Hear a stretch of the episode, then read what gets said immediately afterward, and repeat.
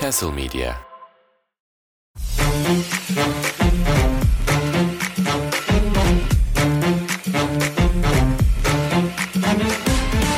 Castle Medya'nın sunduğu Şişkoskas'tan herkese selamlar. Ben Ersinleri. Bu Londra havasına benzeyen İstanbul havasında Londra'dan Savaş'la birlikteyiz. Savaş, Londra'ya selamlar. Burası inan Londra gibi şu an. Aleyküm selam abi. Abi burası da Londra gibi değil ya. Bayağı soğuk. Yani bu kadar soğuk olmuyordu. Bu kadar soğuk olmuyordu normalde. Anladın. Demek ki Londra'da Moskova gibi şu an. Kim bilir Moskova nasıl? Yani. Evet. Keyifler nasıl abi? Mutlu musun? Abi keyifler güzel. Dün gece itibariyle Oğuz geldi işte kardeşim. Hı hı. Gece 2'ye kadar onu bekledim. Uçağı biraz rötar yaptı. Sonra işte metrosuydu, treniydi bilmem nesiydi derken bir buçukta falan gelebildi anca. Ama keyifler yerinde yani. Şimdi programdan sonra muhtemelen gezmelere başlarız. Pazartesi salıda izin aldım. Takılacağız birkaç gün. Süper abi. Gözünüz aydın. Mayfair'da bir benim mekanda bir fish and chips bir denenir. Bir denenir bak ben bir orası an, için çok bir an marketi diyeceksin zannettim. Diyecektim bir makarnayı bir daha bir saat Yok, bekleyemem. Onun yanındaki dükkan. Marketin yanındaki dükkan. Anladım. O orası bir bir hani uzun süre kalacaktı galiba Oğuz. Hani belli bir süre kalacaktı. Oraya bir şans verin. Derim. Bakalım Benim o taraflara yolumuz düşerse deneriz. Tamam. Benim içimde kalmıştı çünkü o yüzden diyorum. En azından Oğuz hak etmese de bir tadına baksın. en kötü sen bir daha geldiğinde senle deneriz abi zaten. Kesin, Yani kesin, içinde kesin, kalmasın. kesin. Kesin en yakın zamanda. En yakın zamanda yoğun bir ma- maç haftasıydı. Ee, EuroLeague'de takımlar takımlarımız çift maç haftasındaydı. Ertelemeler kaynaklı. Ee, ve Fenerbahçe e, Maccabi deplasmanında iyi başlayıp kötü bitirdi. Barcelona karşısında ülke da kötü başlayıp iyi bitirdi. Ee, ne diyorsun? Yani Itudis'in iki farklı maç planına ve hani bunların birinin yoldan çıkıp diğerinin yola sokmasına. Enteresandı yani taktik açısından Fenerbahçe'nin oyun düzeni açısından iki maçı takip etmek. Çok kısa hemen şeyi düzelteyim abi. Ee, bu hafta değil erteleme haftası. Bu hafta herkes için çift maç haftasıydı. Ee, Haklısın hafta- abi, haklısın. Evet. Önümüzdeki hafta Efes için ertelemeyle çift maç.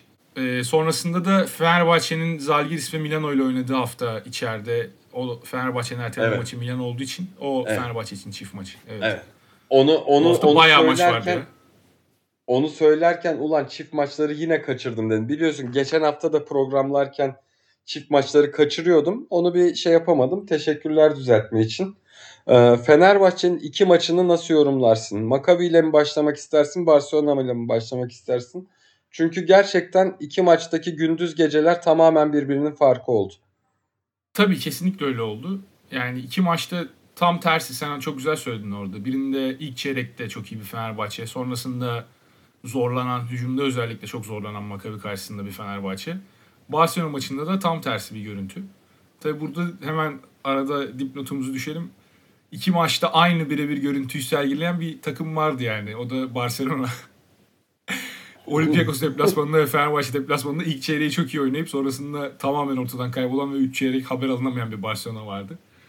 Ee, Fenerbahçe ya ben Maccabi maçına başlangıç planını zaten sezon genelinde kullanılan plan olması itibariyle olumlu buldum. Fenerbahçe'nin Maccabi maçında yapamadığı konu e, biraz burada tabii iş yani çok fazla şeyden konuşuyoruz ya her maçta işte yok koç şöyle planladı yok oyuncular böyle performans gösterdi işte spacing'iydi şu suydu bu suydu hücum reboundlarıydı savunmada pick and roll nasıl savundun ama bu iş yani bu oyun sonunda günün sonunda topu potadan sokup sokamadığına geliyor ve Fenerbahçe Maccabi maçında doğru pozisyonları da yaratmasına rağmen topu potadan geçiremedi bir şekilde.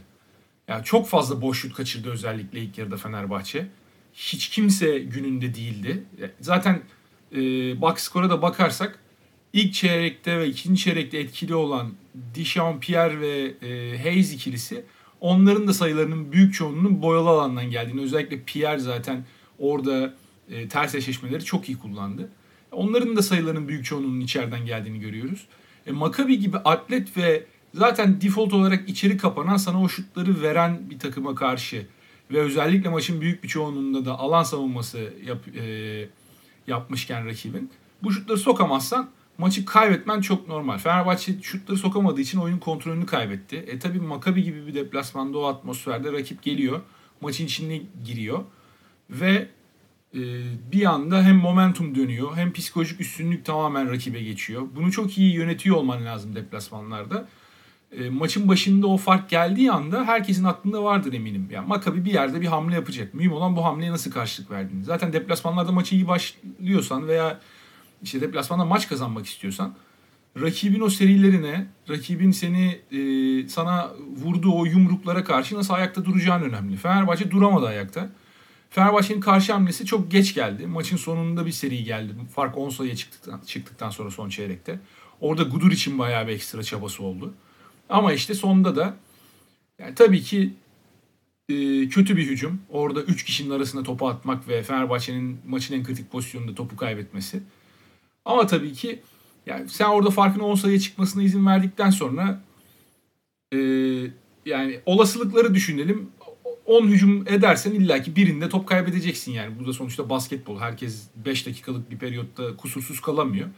E, sen 10 sayılık avantajı rakibe verdiğinde de o hata senin için ölümcül hale geliyor. Maç normal serinde gidiyor olsaydı belki de o hata ölümcül olmayacaktı. Aynısı Wade Baldwin'in e, maçı kazandıran basketi diyelim ona.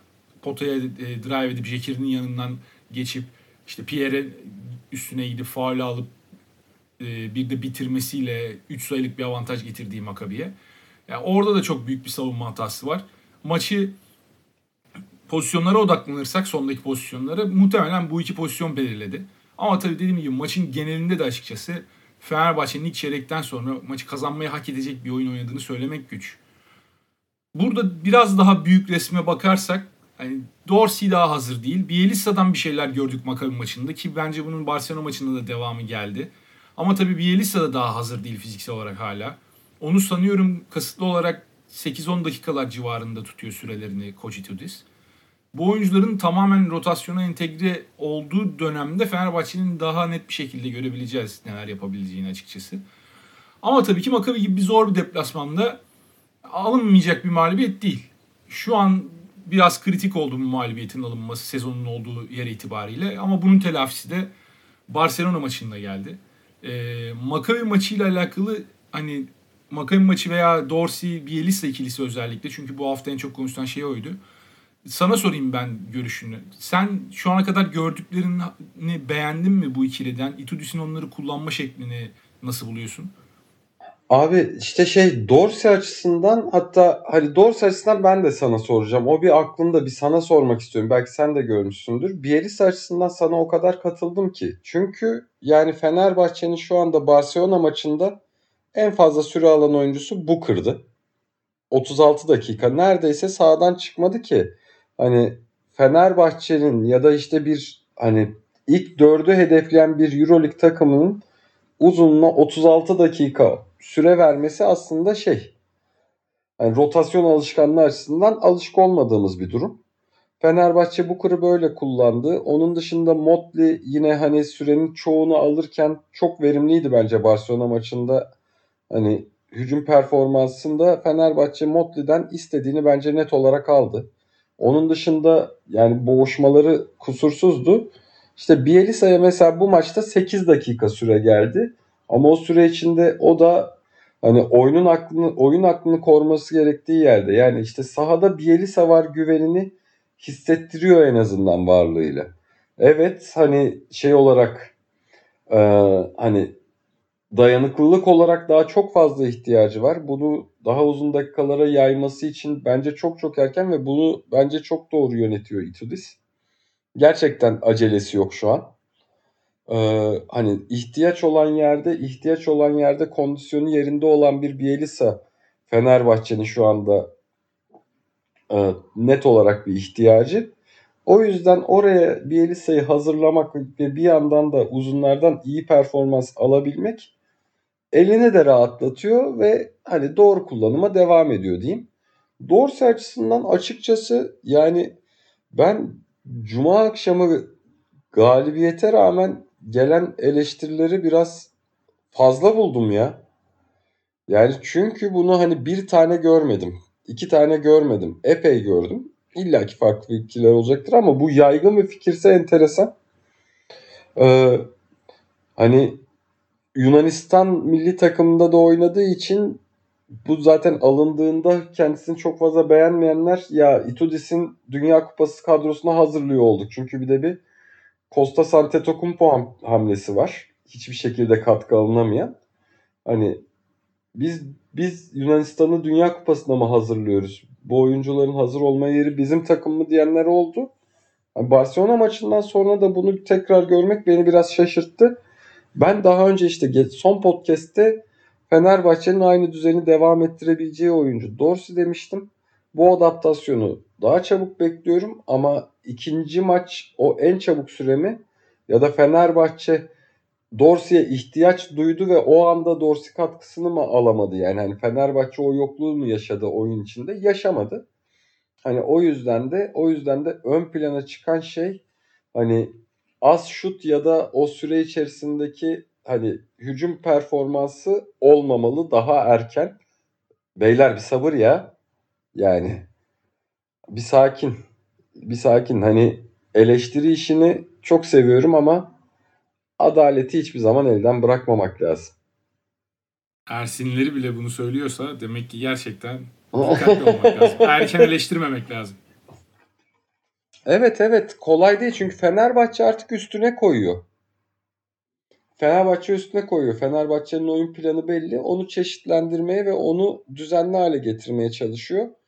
Ee, bu bence çok böyle şey değil. Hani çok zaman almayacak, kolay olacak. Ama buna buna destek lazım. Kesinlikle katılıyorum ben de sana. Yani Dorsey ile alakalı şunu söyleyeceğim. Çabuk unutuluyor önceki maçlar. E, Dorsey'nin en basitinden çıkarma yoluyla bir ekleme olduğunu düşünüyorum Barcelona maçı rotasyonuna baktığımda. Çünkü 15 dakika oynamış olması lazım Dorsey'nin. Ve 15 dakika evet. oynadığı için Carson Edwards 3 dakikada kaldı. Carson Edwards 15 dakika oynasaydı muhtemelen o süre Barcelona'ya bir artı 8 artı 7 yazacaktı ve bu maç çok daha farklı şekilde bitebilirdi. Dorsey'nin oradaki varlığını e, o şekilde hissedebiliyorsun. Yani bir tane daha net bir Euroleague oyuncusu kazandırmış oldu Fenerbahçe rotasyonunda. Carson Edwards ileride bu olabilir ama şu an özellikle hücum e, pardon e, savunma tarafında bu kesinlikle değil. Yani bir Euro oyuncusu olduğu bile tartışılır işin savunma tarafında. Çünkü e, çok kolay ya adeta suistimal ediliyor Carson Edwards işin savunma tarafında. Ne birebirde ne tarafını kapatması gerektiğini biliyor e, eşleşmenin perdenin altından mı geçecek, üstünden mi geçecek, switch ne zaman yapacak, uzuna mı bırakacak yoksa kendi oyuncusunun üstünde mi kalacak? Bu konularda çok kötü Edwards. Yani Dorsey de dünyanın en iyi savunmacısı değil. Bir Marcus Smart değil dış savunmacı olarak ama en azından konsept olarak kafasında belli başlı şeyler oturmuş durumda. Uzun süredir de Avrupa'da oynuyordu zaten. Hı hı. Bu sene NBA deneyene kadar. Hatta milli takım geçmişi de var işte Yunanistan milli takımıyla beraber. Itudis'le de daha önce çalışmıştı. O yüzden Itud e, Dorsey orada net bir şekilde buranın oyuncusu olduğunu gösteriyor. Skor bir yerde gelecektir. Ha Dorsey bu takımda, bu takım derin bir takım yani. Dorsey bu takımda 15-16 sayı ortalama yapmayacak zaten. Evet. Ama o attığı çok kritik üçlük gelecek şeylerinde bir yandan habercisi. Dorsey sıkıştığın anlarda hani hiç yoktan bir şeyler yaratıp seni rahatlatabilecek tarzda da bir oyuncu. Tabii ki bunu çok düzenli olarak yapacak, takımını sürekli taşıyacak bir prime Shane Larkin olmayacak. Ama sıkıştığın anlarda sana e, bir şeyler yaratabilecek ve bu konuyla alakalı güvenebileceğin bir oyuncu. Büyük takımlarda da bu tip opsiyonların fazlalığı her zaman için koşun elini rahatlatır. Özellikle de bu tip maçlarda e, Barcelona gibi rakiplere karşı ileride playoff oynayacaksın, Final Four oynayacaksın. Bu tip maçlarda böyle oyuncuların varlığı çok kritik. Barcelona mesela rakibe baktığında bu tip bir oyuncunun eksikliğini bence net bir şekilde çekiyor yani. Dorsey, Barcelona'da olsun. Saras bilmiyorum ister mi? Hani onun kafasında farklı tilkiler dönüyor sürekli. De, farklı bir basketbol anlayışı var. Ama birçoğu takım ister ki istiyordu Dorsey'i. Yani ekonomik şartlar uysaydı belki de Olympiakos tekrar alacaktı Dorsey'i. Doğru. Doğru yani şey hani Fenerbahçe için Fenerbahçe için aslında bir şey Boboa katkısıdır yani Dorsey. İhtiyaç Kesinlikle. duyulduğu anda ihtiyaç duyulduğu anda evet mesela ortalamaları orada olmasa da bazı maçlarda fark ettirmeden 15'lere 20'lere rahat ulaşabilecek bir durumda. Yani Edwards için de şunu söyleyeceğim. Hani net bir şey olması, eksi yazıyor olması durumu üzücü biliyorsun yani çok seviyorum kendisini. Ama hani yine daha önce de söylemiştim ben onu. Ya Türkiye Ligi yine bir fırsat adaptasyon için. Sert bir lig. E onun dışında Euroleague'de artık kalan 7 maç Fenerbahçe için hep bir üst sırayı hedefleme. Yani hani hedef 7'de 7 olmalı mesela yani Fenerbahçe. 7'de 6 7'de 6'nın getirdiğinden daha fazlasını getiriyor çünkü. Bir fazla galibiyet. O kadar puan durumu şey. E, katı ve tıkanık yani. Bura, bu, bu kalan yerden seriyle götüren bir anda kendini 5'te bile bulabilir. Yani formsuzluğa izin olmayan bir dönem ve hani bir yandan kondisyonun da ayarlanması, o, o kontrolün yapılması gereken bir dönem. Pazartesi günü mesela karşı yaka maçı var. Karşıda Eric McCollum. Bir McCollum sıksın. Bir Edwards sıksın. Kim kimi üterse. Yani ha, o, o, o maçlar için bence o maçlar için bence Edwards'ın sahada olması kesinlikle şart. Yani Fenerbahçe'nin Edwards'la artık... alakalı e, katılıyorum sana bu arada. Ligde Fenerbahçe'nin şu an çok fazla kaybedebileceği bir şey kalmadı.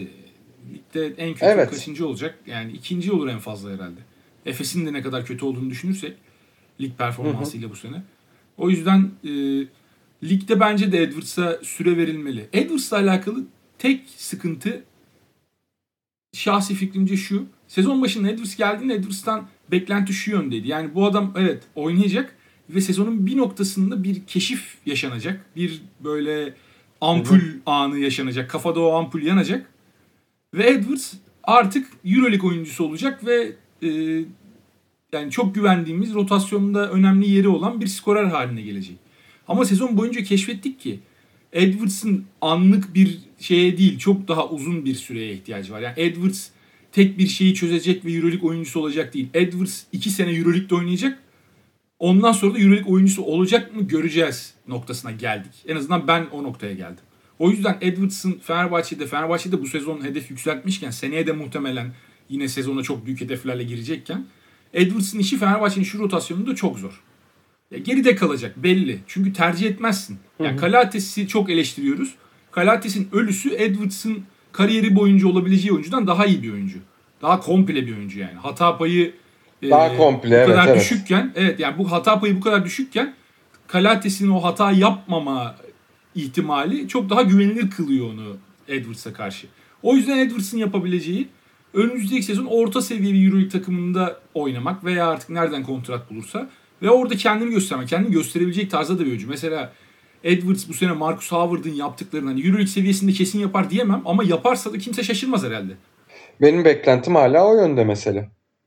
Yani yapabilir çünkü. Patlayıcı bir oyuncu ve bir iki şeyi çözerse, takımın oyun stili ona daha uygun olursa, daha fazla açık sahada oynayan, ona daha çok özgürlük veren, bu kadar fazla pota altına girip de bir anda tepesinde 3 tane uzunla baş başa kalmak zorunda olmadığı, tempoyu daha yüksek tutan bir takımda Edwards tabii ki bundan daha başarılı olur.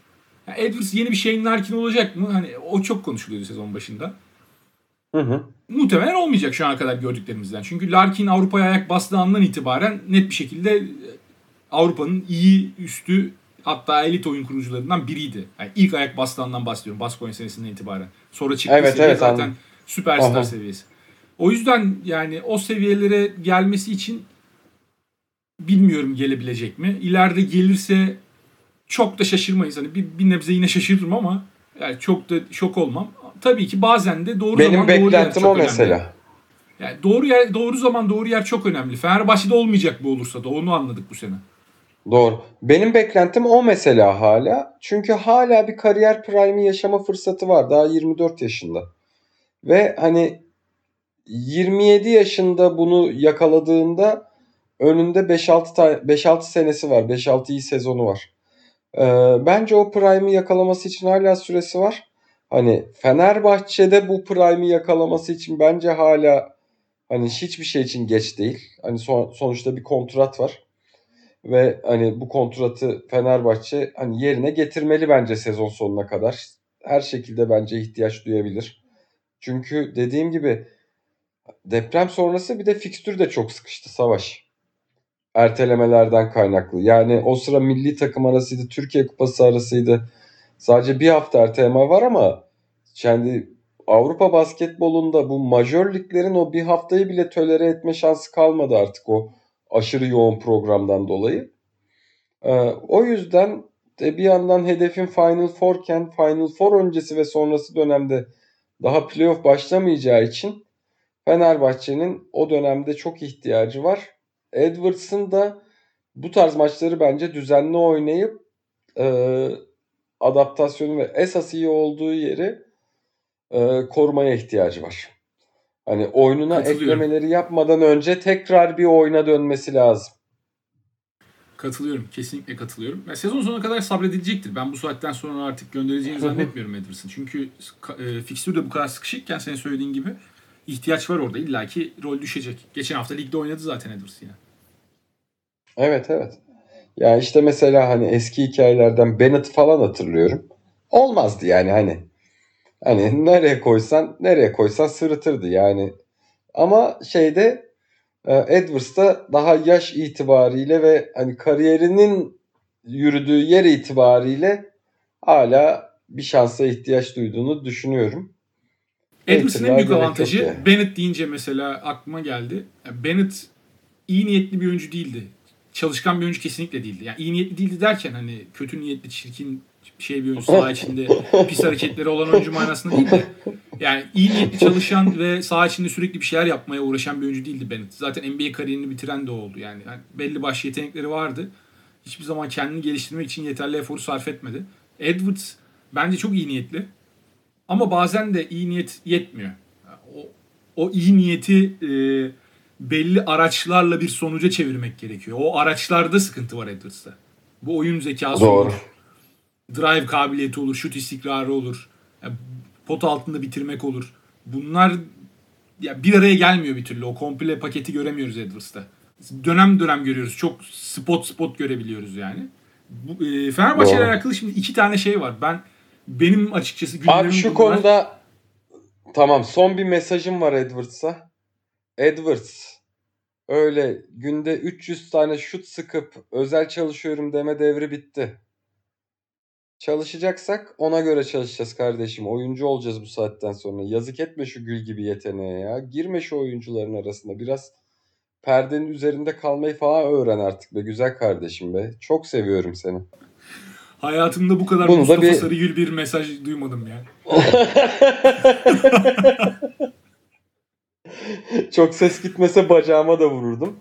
Abi işte e, sen hani iki nokta daha var dedin süper. Hani belki noktalar benim sana işaret edeceğim şeylerdir. Ee, ben onun dışında Fenerbahçe'deki e, şey Pierre ve Hayes'in bence oyun olarak biraz uyanışına şahit olmaya başladık. Pierre hala istikrarsız. Ama o bir ay önceki hallerinden bence daha enerjileri yerinde, daha bir kendilerine gelmiş gibiler. Katılıyor musun bilmiyorum. Ondan sonra da istersen sen kendin devam et. Pierre son 3-4 maç itibariyle baktığımızda aslında bir istikrar yakalamıştı. Sakatlandı Barcelona maçında tekrar. Ya o çok kötü. Evet. Ben ondan bahsedecektim. İki gündemden bir tanesi oydu. Şimdi Pierre'in kalf sakatlığının tekrar e, tekrar ettiğinden bahsediliyor. Maç içerisinde biz öyle bir pozisyon göremedik. Yani tam net sakatlandığı bir pozisyon yok. Bu iyi de olabilir, kötü de olabilir. Bilemiyoruz. Hı hı. E, belki biz programı kaydederken bununla alakalı bir haber vesaire de çıkmış olabilir. Yani Pierre ne kadar hızlı döner ve tekrar form tutarsa Fenerbahçe için o kadar iyi. O büyük bir sıkıntı açıkçası. Onun dışında Hayes Pierre ikilisine baktığımızda Fenerbahçe'nin bu ikiliye zaten bağımlı olduğunu önceki programlarda da söylemiştik. Bu ikili bir arada iken özellikle sahada Fenerbahçe başka seviyede bir savunma yapıyor. Motley'nin açıklarını kapama konusunda özellikle bu ikilinin önemi çok büyük. Fenerbahçe bu ikiliden biri sahada olmadığı anda savunmada hemen kademe düşüyor. Çok net bir şekilde anlıyorsun. Özellikle de switch savunmasını bu kadar fazla yapan bir takımda bu ikilinin varlığı çok önemli. Bunun üstüne hücumu da eklediğin zaman bonus oluyor.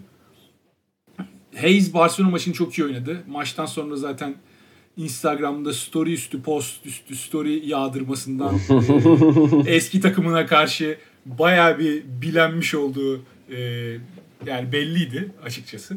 Tabi daha bir normal sezon galibiyetinde bu kadar da büyük konuşmamak lazım. Bir Final Four'da Barcelona'ya denk gelirsin, yenilirsin. O zaman işler bir anda tersine döner. Bu söylediklerini bir anda karşıdan geliyor şekilde de bulabilirsin.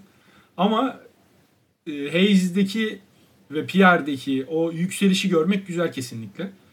Bunlarla bağlı, bunlara bağlı olarak bir nokta daha var. Yani Fenerbahçe'nin bir de Booker bağımlılığı var. Hani Booker bağımlılığını iyi bir şey olarak söylemiyorum ama Pierre ve Hayes ikilisinden birinden katkı alamadığında bu maçta işte Pierre sakatlandı. Hı hı. Booker oraya attığında veya eşleşme bunu gerektirdiğinde rakip daha fizikli bir uzun rotasyona sahip olduğunda Barcelona örneğinde olduğu gibi Booker oraya attığında Booker'ın istikrarı çok önemli. Bu maçta Booker muazzam oynadı. Gerçekten sezonun belki de en iyi maçıydı.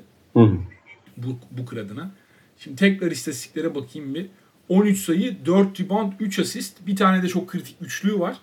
Gerçekten şahane bir performans. Yani Booker her maçı böyle oynayacak olsa Booker'a bu kontrat az bile gelir. Bütün sezon niye bu paraları e, verdiniz diye eleştirdiğimiz oyuncuya.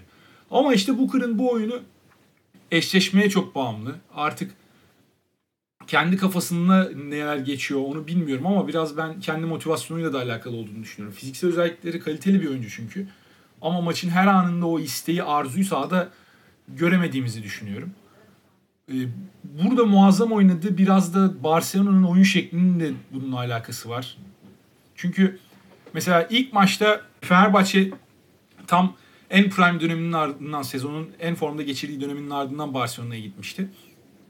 Orada Pierre Hayes ikilisinden vazgeçmemişti Itudis. Maça o şekilde başlamıştı. Fenerbahçe klasik 5 ile başlamıştı maça. Ama sonrasında Fenerbahçe'yi adeta domine etmişti. Özellikle de low post'ta Barcelona. Çok fazla mismatchleri kullandılar. Orada Kalinic çok büyük problem yaratmıştı. Ee, zaten guardları da çok büyük. Mesela Satoranski bütün maç Wilbeck'ini potaya götürmeye çalıştı. İşte Dorsey ile oynamaya çalıştı. Sürekli posttan bir oyun sevdası. Saras'ın en çok eleştirdiği konulardan bir tanesi. Barcelona'ya geldiğinden beri oynattığı oyun itibariyle. Ama sezonun ilk maçında bu Fenerbahçe'ye karşı işe yaramıştı. Fenerbahçe bunu biraz kafasında çok kurgulamış olacak ki Itudis. Bu maça uzun bir beşte başlamayı tercih etti. Yani Motley'nin 4 numarada olmasının tek sebebi o. Motley Jekiri ile başlamanın tek sebebi o. O low post oyunlarını vermemek. Ama işte bu, bu sefer de Motley 4 numara savunmasıyla hiç alakası olmayan bir oyuncu. Yani 5'te bile zaafları var ama 4 numarada özellikle de Mirotic gibi bir oyuncuya karşı. Mirotic'in bin tane tehdidi var. Low posta oynayabiliyor dışarıdan oynayabiliyor. Handoff alabilen bir dört numara. Topu yere vurabiliyor. Perdeden çıkıyor, üçlük atıyor. Yani Motley'nin onu perde çıkışlarında vesaire kovalaması mümkün değil. Zaten postta da Motley tamam fizikli. Kağıt üstünde Motley fizikli görünüyor ama post savunmasının büyük bir kısmı da fundamental'dan geliyor. Orada Mirotic bir fake attığında Motley zaten 3 metre sağ oynuyor. Orada iş bitmiş oluyor. Yani maçın başında bunu gördük. İlk 6 dakika Motley 6 bile değil galiba 4. Motley 2 faul aldı. Devre dışı kaldı direkt. Hı hı. Sonrasında ikinci yarı Itudis doğru olanı yaptı. Motley 5 numarada kullanmaya başladı ikinci yarının başından itibaren. Onu e, Veseli'nin üstüne saldı ve Motley ikinci domine etti. Doğru. Fenerbahçe'nin maça da bu şekilde başlaması lazım. İşte burada kritik nokta Motley'i 5'te kullandığında 4'te kim oynatacaksın? Çünkü tamam evet e, Pierre Hayes verim veriyor ama ilk maçta bunun Barcelona'ya karşı işe yaramayabileceğini gördün. E bu sefer de devreye Booker giriyor. Bielsa da hazır olmadığı için. Orada fizikli kalmanı sağlayabilecek ve en azından belli seviyede ayak çabukluğuna sahip bir tane 4 numara oynayabilecek isim var Fenerbahçe'de. O da Booker. Geçen sene Djordjevic'in yaşadığı en büyük problemlerden bir tanesi de buydu. Ki Djordjevic bunu erken gördü. Biz göremedik mesela. Yorumlarken biz göremedik veya kamuoyu göremedi bunu. Sezon başından itibaren ısrarla Booker oynattı Djordjevic 4 numarada. Ve Polonara ile alakalı da yani Djordjevic'den bence dilenmesi gereken en büyük özür şu iki senenin sonunda. Polonara Booker mevzusu. Şu an ikisi arasında hangisi daha iyi oyuncu diye sorarsan büyük e, kısmı insanların herhalde Booker diye cevap verecektir. Fenerbahçe'ye e, Polonara transfer olduğu yaz Polonara böyle Bielitsa Mirotic arası bir şey olarak görülüyordu neredeyse. Yani o kadar büyütmüş kafamızda. Ama aradan geçen Abi, yıl tam Djordjevic haklı çıkardı. Bir şey diyeceğim ama yani tam da böyle hani mesela senin hep anlattığın şeylerde anlattığın özellikler çünkü hani artık biz şey ben senin hani basketbol fikrin yani ben Savaş bu oyuncuyu beğenir ya da beğenmez diyebiliyorum bir oyuncuyu gördüğümde. Hani Kim senin basketbol fikrin e, genel bir herhangi bir oyuncu profili için diyorum. Hani savunmada mesela senin için önemli olan şeylerden biri yani hani şey hani zaten genel prensip işte mesela senin için switch'te hiçbir şekilde zaafı olmamak temel kriterlerden biri mesela. E Polonara'yı İtalya'da bir izledik baba. Allah Allah. Yani bir de üzerine çatır çatır skor geliyor yani. Onun hayali o hayalle Polonara buraya gelince abi bir şey oldu kafalar karıştı. Tabii yani özellikle de gelmeden önce milli takım performansı Polonara'nın iyice yükseltti beklenti. Evet abi. Baskonya performansından bile iyiydi. Abi direkt şeydi yani milli takımın MVP'siydi yani. O her türlü skor liderliğini falan alıyordu. Highlight anlarında ya da işte ne bileyim maçın sonlarında hücum onun üzerinden yürüyordu vesaire vesaire. Bir de işte fizik özellikleri, boyu üzeri, işte elinin uzunluğu vesaire şudur budur derken ama işte ama hikaye galiba öyle değil ya bir yandan. Hani herkes de tutmuyor ya da öyle bir durum var. İşte herkes de tutmuyor derken hani programda biraz da Efes'i konuşalım diye istersen topu Efes'e atayım Fener hakkında ekleyecek Bir bağlayayım şeyin abi yoksa. yarım Gelece- kaldı. Olur, yarım kaldı. olur. Bir iki dakika bağlayayım Efes'e geçelim. Tamam tamam. Fener'i haftaya da çünkü konuşuruz. Çünkü hani demek istediğim şey Fenerbahçe'de hani oyun düzeni belli. Bu düzenin eklemelerini artık aslında takip edeceğiz oyun anlamında. Benim de son söyleyeceğim bu. Sen bu kur hakkında söylediklerini söyle. Ben ondan sonra bir Efes'in ne olacağına dair açıkçası şüphelerim var. Ondan bahsedeyim. Şimdi Booker'la alakalı Fenerbahçe'nin böyle bir size'a ve aynı zamanda savunmada o kaymaları da yapabilecek bir oyuncuya ihtiyacı olduğu dönemlerde mecbur kalıyorsun Booker'a.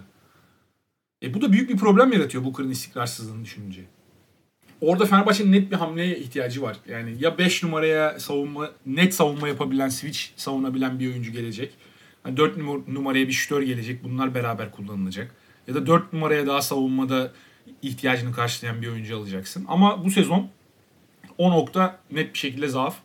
Yani Fenerbahçe'nin 5 numaradaki fizik dezavantajı da çok konuşuluyor mesela işte Tavares gibi veya Olympiakos'taki Fall gibi uzunlara karşı Fenerbahçe'nin bir cevabı yok. Evet. Ama oynadığın oyun itibariyle bunu tolere edebilirsin. Ama e, o 4 numaradaki deli işi tolere edemiyorsun. Şimdi Barcelona bence çok iyi bir eşleşmeydi bu açıdan. Çünkü Barcelona ısrarlı bir biçimde post-up oynamaya devam ediyor ve topu çok durdurarak oynuyorlar. Fenerbahçe'nin problemi rakipler topu döndürmeye başladığında başlıyor.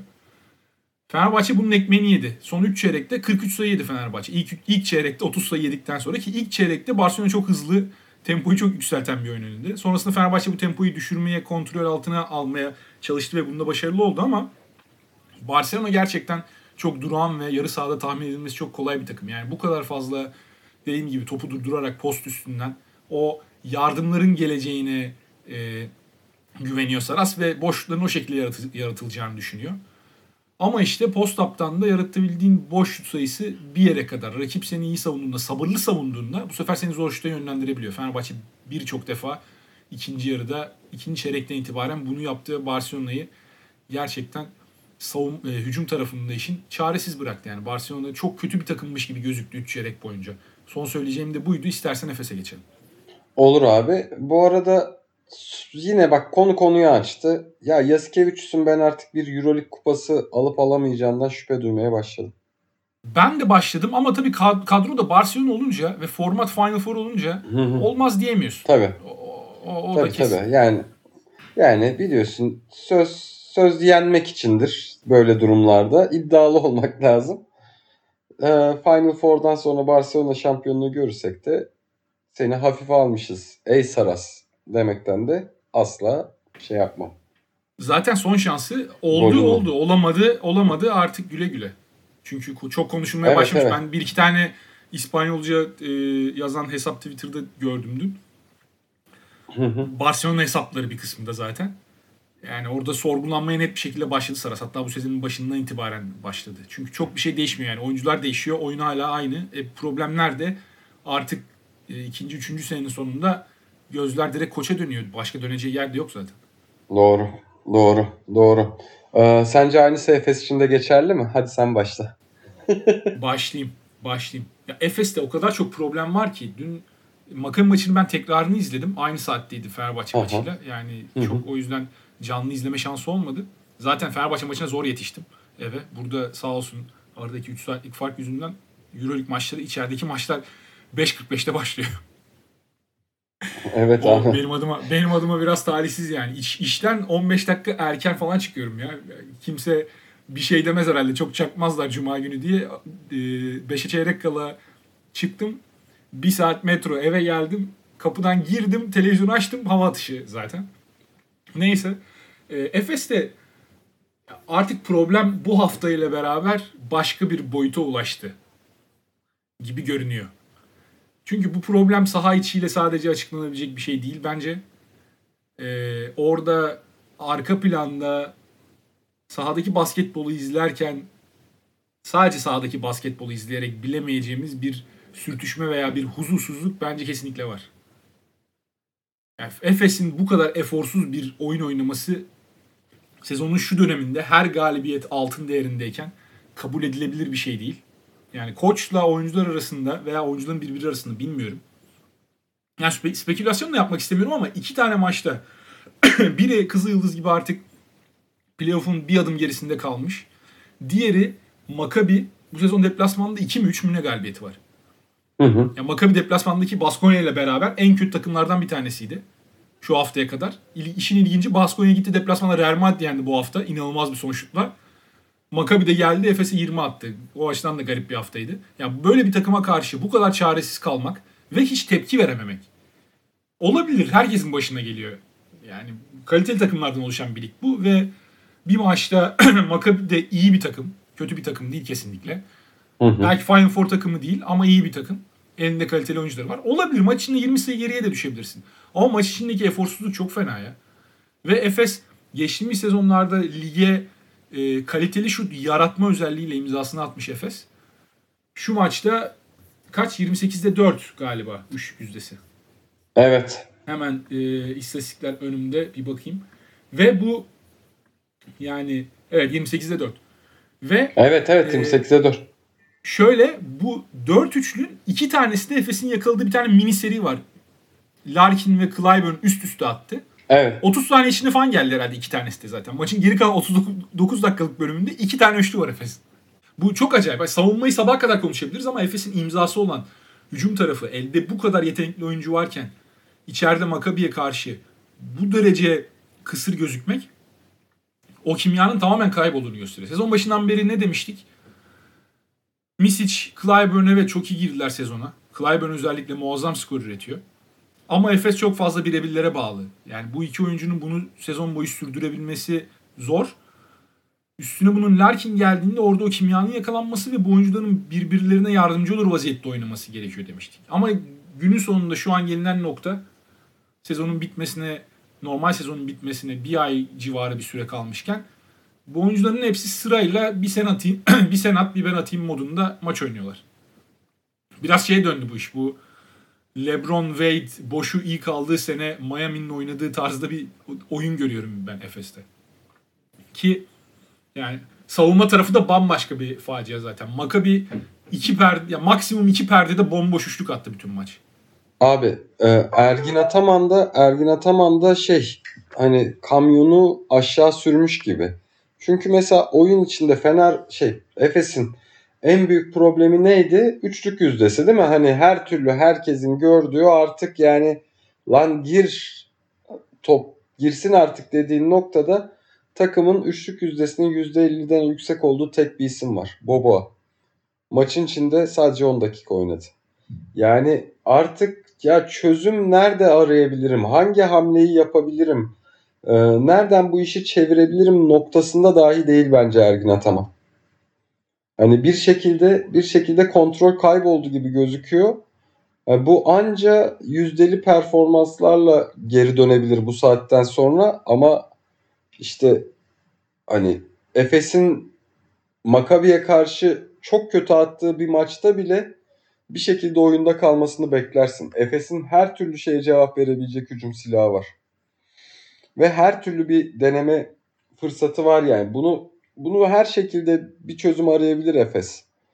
E, ve artık hani bu dönem çözüm aranacak bir dönem değil ama hani ortada duran çözümü de en azından bir sahaya atmak lazım. İşte ne bileyim yani bu hafta boyunca Ergin Ataman'a dair saha saha dışı ile ilgili işte Kızıl Yıldız'daki küfürler, Ergin Ataman'ın Euroleague yönetimine bu konudaki sistemi. Hani biz bu konularda hani şey Euroleague yönetimi de hani bu kadarına nasıl izin veriyor? Bütün maç sadece bana küfür edildi dedi. Yani bir burada bir açıklamanın hani direkt Euroleague yönetimine olması bir de Olympiakos'ta bir dönem koşuk yapmak isterim. Şu an Barzokas var. Ama Barzokas'ın ne olacağı da belli olmaz. Benim ne olacağım da belli olmaz. Ben her zaman Olympiakos'ta koşuk yapmak isterim gibi bir beyanatı da var. Ee, yani bu tabii ki şey hani bir yandan centilmence bir açıklama ama takım böyle giderken bu tarz bir açıklamanın bir anda yansıması farklı türlü, türlü de algılanabiliyor. Ergin Ataman artık Anadolu Efes'te mutsuz mu dedirtiyor. Ben Ergin Ataman'ın özellikle iletişim anlamında çünkü Efes bu tarz gelgitleri iki kez şampiyon olduğu sezonlarda dahi yaşadı. Yani Efes için hani sezon başında çünkü şunu diyorduk. Ya Efes acaba bu sefer de dönecek mi? Geçen sene de böyleydi. İki sene önce de ya pandemiden dönüş kötü etkiledi. Acaba motivasyon yüksek kalacak mı diye konuşuyorduk. Geçen sene şampiyonluk korunacak mı diyorduk. Bu sene yine ya bir de Clyburn geldi. İki senedir yaptı yine toparlar durumu var. Ama işin oyuncularla rekabete döndüğü bence ilk önce Türk oyunculara dair direkt olarak bir öfkeli açıklamayla başladı. Sorunun olduğu belliydi. Ve hani bence bu artık hani mesela Makabi maçı Ergin Ataman için bir yerden sonra direkt kaybedilmiş bir maçtı. Yani bir son çeyrekte döneyim hırsı bile kalmamıştı takımda. Bence hani bu kadar kazanan bir takımda artı bir de yani Eurolig'in süperstarlarından birini eklediğinde bu kadar silah olan bir takımın böyle vazgeçmesi ve bunu artık tamamen hissettirmesi bana açıkçası dönüşü zor bir yola girilmiş gibi hissettiriyor. Artı puan durumunda da artık ekstra ekstra bir şeyler yapman lazım. Efes tabii ki yine büyük konuşmaya gerek yok. Gerçekten hani gerçekten çok iyi bir takım. Hala buradan direkt Final Four'a da atabilir kendini. Hala şaşırtmaz. Ama artık yani ümitler çok çok azalmaya başladı. Yani bu bir hafta daha giderse bir anda ümitler pamuk ipliğine bağlanacak. Playoff açısından. Ee, önümüzdeki hafta bence Efes'in kaderini belirleyecek bu sezon. Yani Real Madrid ve Partizan maçları ikisi de içeride. Evet. Real Madrid maçında gelecek bir yani kayıp demeyeyim yani Real Madrid tabii ki çok zorlu bir maç. Real Madrid Efes yani tabii kaybederse kaybetme şekli de çok önemli. Ama o maçı kazanamazsa playoff çok zora girecek gibi duruyor. Evet evet. Ve üstüne Partizan da formda. Partizan da son dönemde gerçekten kaliteli top oynuyor. Gerçi bu hafta Milano'ya deplasmanda çok da bir şey üretemeden kaybettiler. Hı hı. Ama çok tehlikeli takım. Ve hücum potansiyelin Partizan'ın ne kadar yüksek olduğunu biliyoruz. Efes böyle savunmaya devam ederse bir 90'da Partizan'dan yemesi işten bile değil. O yüzden önümüzdeki hafta Efes'in herhalde kaderini belirleyecek ve şu ana kadar Efes'in hep iyiye gitmesini bekliyorduk sezon boyu. Hep bunu konuştuk. Ama Efes ufak ufak dönemler dışında iki haftalık böyle küçük aralıklar dışında uzun vadede bize hiçbir iyiye gidiş gösteremedi açıkçası. Bu bence büyük hayal kırıklığı sezonun geneline baktığımızda. Bunun sebepleri tabii sezon sonu geldiğinde daha net değerlendirilir. Bunun koçla mı alakası var, oyuncu grubuyla mı alakası var, oyuncu grubu birbirini mi tamamlamıyor? Bu da bence büyük problemlerden bir tanesi yani. Evet çok fazla büyük isim var. Ama bu büyük isimler gerçekten ne kadar birbiriyle uyumlu? Bu, bu çok sorgulanması gereken bir şey. E, Singleton transferi mesela neden yapıldı? Singleton Singleton şu maçta 4 dakika oynayıp hiçbir şey vermeyecekse Singleton neden sezon ortasında alındı? Yani başkası alınamaz mıydı? O rolde daha iyi katkı verebilecek. Takımın da net bir şekilde oradan gelecek savunma katkısına ihtiyacı olduğu belli. Hala Dunstan'dan bir şeyler bekliyor ve Dunstan da elinden gelenin maksimumunu veriyor. Bu maçta yine Dunstan en etkili oyuncularından bir tanesiydi Efes'in. Ama işte yetmiyor. Yani 38 yaşındaki bir Dunstan pot altını kurtarmaya yetmiyor. Zizic de, Plyce da. Ya Plyce tabii ki Efes'e büyük şeyler vermiş bir oyuncu. Onu Zizic kadar eleştirmek ağır olur. Haksızlık olur. Ama ikisi de bu sezon çok beklentilerin uzağındalar. en azından Dunstan kendine e, kendinden olan beklentiye çok daha orantılı bir oyun oynuyor diğer ikisine kıyasla. Misic, Misic'in sakatlığı mesela. Yani bu sakatlıkla alakalı herkesin kafasında başka bir soru var. Misic gerçekten sakat mı sorusu soruluyor. Çünkü e, yani bence sorulur da. Son hafta içerisinde menajerini de değiştirdi. Ve yani NBA odaklı düşünüyor olabilir mi acaba artık bu saatten sonra? Kendini de çok riske atmak istemiyor olabilir mi? Benim aklıma direkt bu soru geliyor. Abi işte içeride içeride Efes Efes içeride Makabi'ye 20 farkla hani Kızıldız deplasmanı mağlubiyeti üstü yenilirse her şey sorulur. Yani hani o zaman o zaman ortadaki ortadaki problem çok büyük demektir. Hani her şey sorulur yani. Her şey akla gelir. Bu arada Kızıldız maçından çok bahsetmedik. Kızıldız maçında da son çeyrekte inanılmaz bir facia var. Evet. 26'ya 8'lik bir son çeyrek. Evet evet. İşte orada yine orada yine bir kontrol kaybı geldi. Ya kontak işte kapandı hani bir anda yine. Evet evet hani salonda salonda direkt küfre direkt karşı olmakla birlikte bir yandan da işte hani Ataman seviyesi içinde bu maalesef bir yerde gerçeği oluyor ya. Hani ben o hissi bilmiyorum. Nasıl bir his? Anlamıyorum. Ama işte o Daha iyi baş etmesi de, gerekiyor. Maalesef böyle bir baskı var üzerinde. Yani hani onun için bir şey diyemiyorum. Çünkü hani diğer türlü bir yorum yaptığında da hani onu savunmuş gibi oluyorsun. Kaygan bir çizgi ama maalesef bununla da başa çıkmak lazım. Baskı yönetimi ki bence genelde de gayet iyiydi yani. Hani şey değil ama işte bir kere bir kere ters gitmesin insanın işi yoğurt bile yerken kırılır dişi diyorum. Evet, evet biraz, biraz öyle oldu. Ya tabii ki bu küfür oluyor. Bunu engelleyemiyorsun. Evet. Bu arada küfüre de çok bağlamamak lazım Kızıldız deplasmanındaki performans. Sezon boyu Efes'in genel performansından çok sapan bir oyun değildi Kızıldız deplasmanı. Son çeyrekte yine bir anda mental olarak e, fişin çekilmesi. Orada zaten Campazzo bütün maç yürüye yürüye potaya gitti. Ne istiyorsa yaptı. Savunmadaki problemler. Hı hı. Bir, bir baktın gözünü açıp kapıyorsun. Kızıldız son çeyrek 26 sayı atmış. 94'e ulaşmış. Abi işte şey hani dizginlerin elde tutulacağı an diyeyim hani aslında bir o hani hep birlikte bir frene basılacak an var ya. Çünkü hani ne oluyor? Bunu e, şeyde 95'ten beri Türk takımları 2010 şey 2010'a kadar hep aslında daha iyisini yapabilir miyizle geçti ömür ama kalite etmiyordu, bütçe etmiyordu. Efes işte bence şu anda o bütçenin yeteceği, o kalitenin yeteceği her türlü ulan uğraştık ama yenemedik ya dedirtecek takım o özelliğini kaybetti. Orada da işte o kontrolden çıktığında işler orada hop beyler hani en en doğru oyuna dönüyoruz. Hani herkes konsantrasyonunu tepe seviyeye çıkarsın diye bir uyarıya ihtiyaç var. O uyarı etki etmiyor artık. Kızıldız maçıyla alakalı şunu söyleyeyim. Kızıldız maçında bu frene basacak, oyunu kontrol altına alacak oyuncu yoktu tabii Efes'te. Yani onunla alakalı şimdi haksız bir eleştiri yapmayalım. Tabii ki kafa kafaya götürdüğüm maçı son çeyrek 26-8 ile 19 sayıyla kaybetmek Efes gibi bir takım için kabul edilebilir bir şey değil ama e, Kızıldız maçında hem Lakin hem Misic yoktu. Yani Buğrahan oynadı maçın önemli bir kısmında guard pozisyonunda. Doğru. Ve yani Boba oynadı oralarda. O yüzden orada Efes'in opsiyonları limitliydi. Makabi maçında bambaşka bir şey söz konusu. Makabi maçında maçın başından itibaren patlayan bir fren ve kaybedilen kontrol var. Makabi maçı kesinlikle o açıdan kabul edilebilir değil. Hadi Kızıldız maçında iki tane point guard'ın yoktu diyorsun. Artık Efes'le alakalı olumlu söyleyebileceğim tek şey hani Misic Makabi maçında çok fazla oynamadı. Larkin sakatlıktan döndü çok kötü oynadı. İkisi de hazır değildi. Hani biraz bekleyelim Madrid maçında belki bir tık daha hazır olurlarsa Efes'te farklı bir şeyler görebilir miyiz bilmiyorum ama soruyorum. Yani Misic ile Larkin'in geçtiğimiz senelerde gösterdikleri performansa saygıdan bu soruyu sormamız da gerekiyor.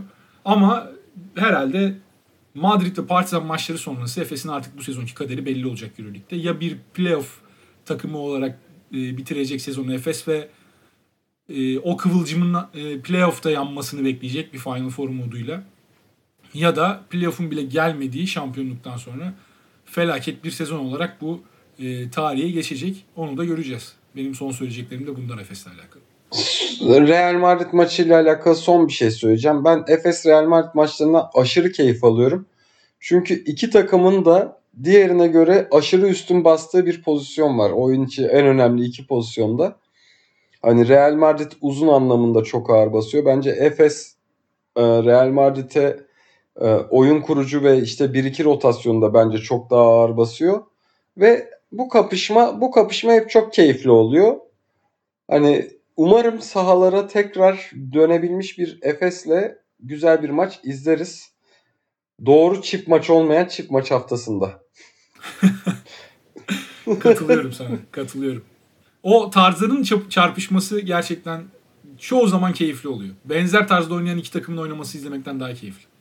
Ben de sen Bence de. o konuda. Evet. Bence de. Çünkü o konuda ikisi de en top, Euroleague'in en top seviyesinde yani iki takım da o açıdan. O yüzden onu en tepe seviyede görüp o dominasyonlara şey yapmak hani nasıl cevap verileceğini izlemek vesaire gerçekten heyecan verici. Bakalım nasıl bir sonuç çıkacak. İstersen yavaştan e, kapatalım. Olur. Ee, son bir soru. Sence Milano'nun nefesi playoff'a götürmeye yetecek mi? Yetmez. Önlerinde çok fazla Bak- takım var. Çok formdalar. Hı. 6 Hı. galibiyet üst üste ama e, yani şu an playoff yapmaları için 5 takım geçmeleri gerekiyor. 5 takım geçemezler. Evet, fikstürde biraz daha zorlaşıyor. Hep hedefi olan takımlar. Ama son bir şakayla bitiriyorum. Ya bu Şabaz ne yapıyor? Bunu duymamış olayım abi kapatalım. gerçekten gerçekten çok iyi oynuyor. Çok beğendim kendisini. Haftaya ya da önümüzdeki hafta iki hafta içinde daha detaylı sezonun gidişine göre de konuşuruz zaten. Herhalde önümüzdeki hafta yapmayacağız yapmayacağız gibi duruyor. E, iki hafta sonra bir daha buluşacağız. Evet, E, evet. Bir sonraki programda görüşmek üzere. Kendinize iyi bakın. Hoşçakalın. hoşça kalın. Kendinize iyi bakın. Görüşmek üzere.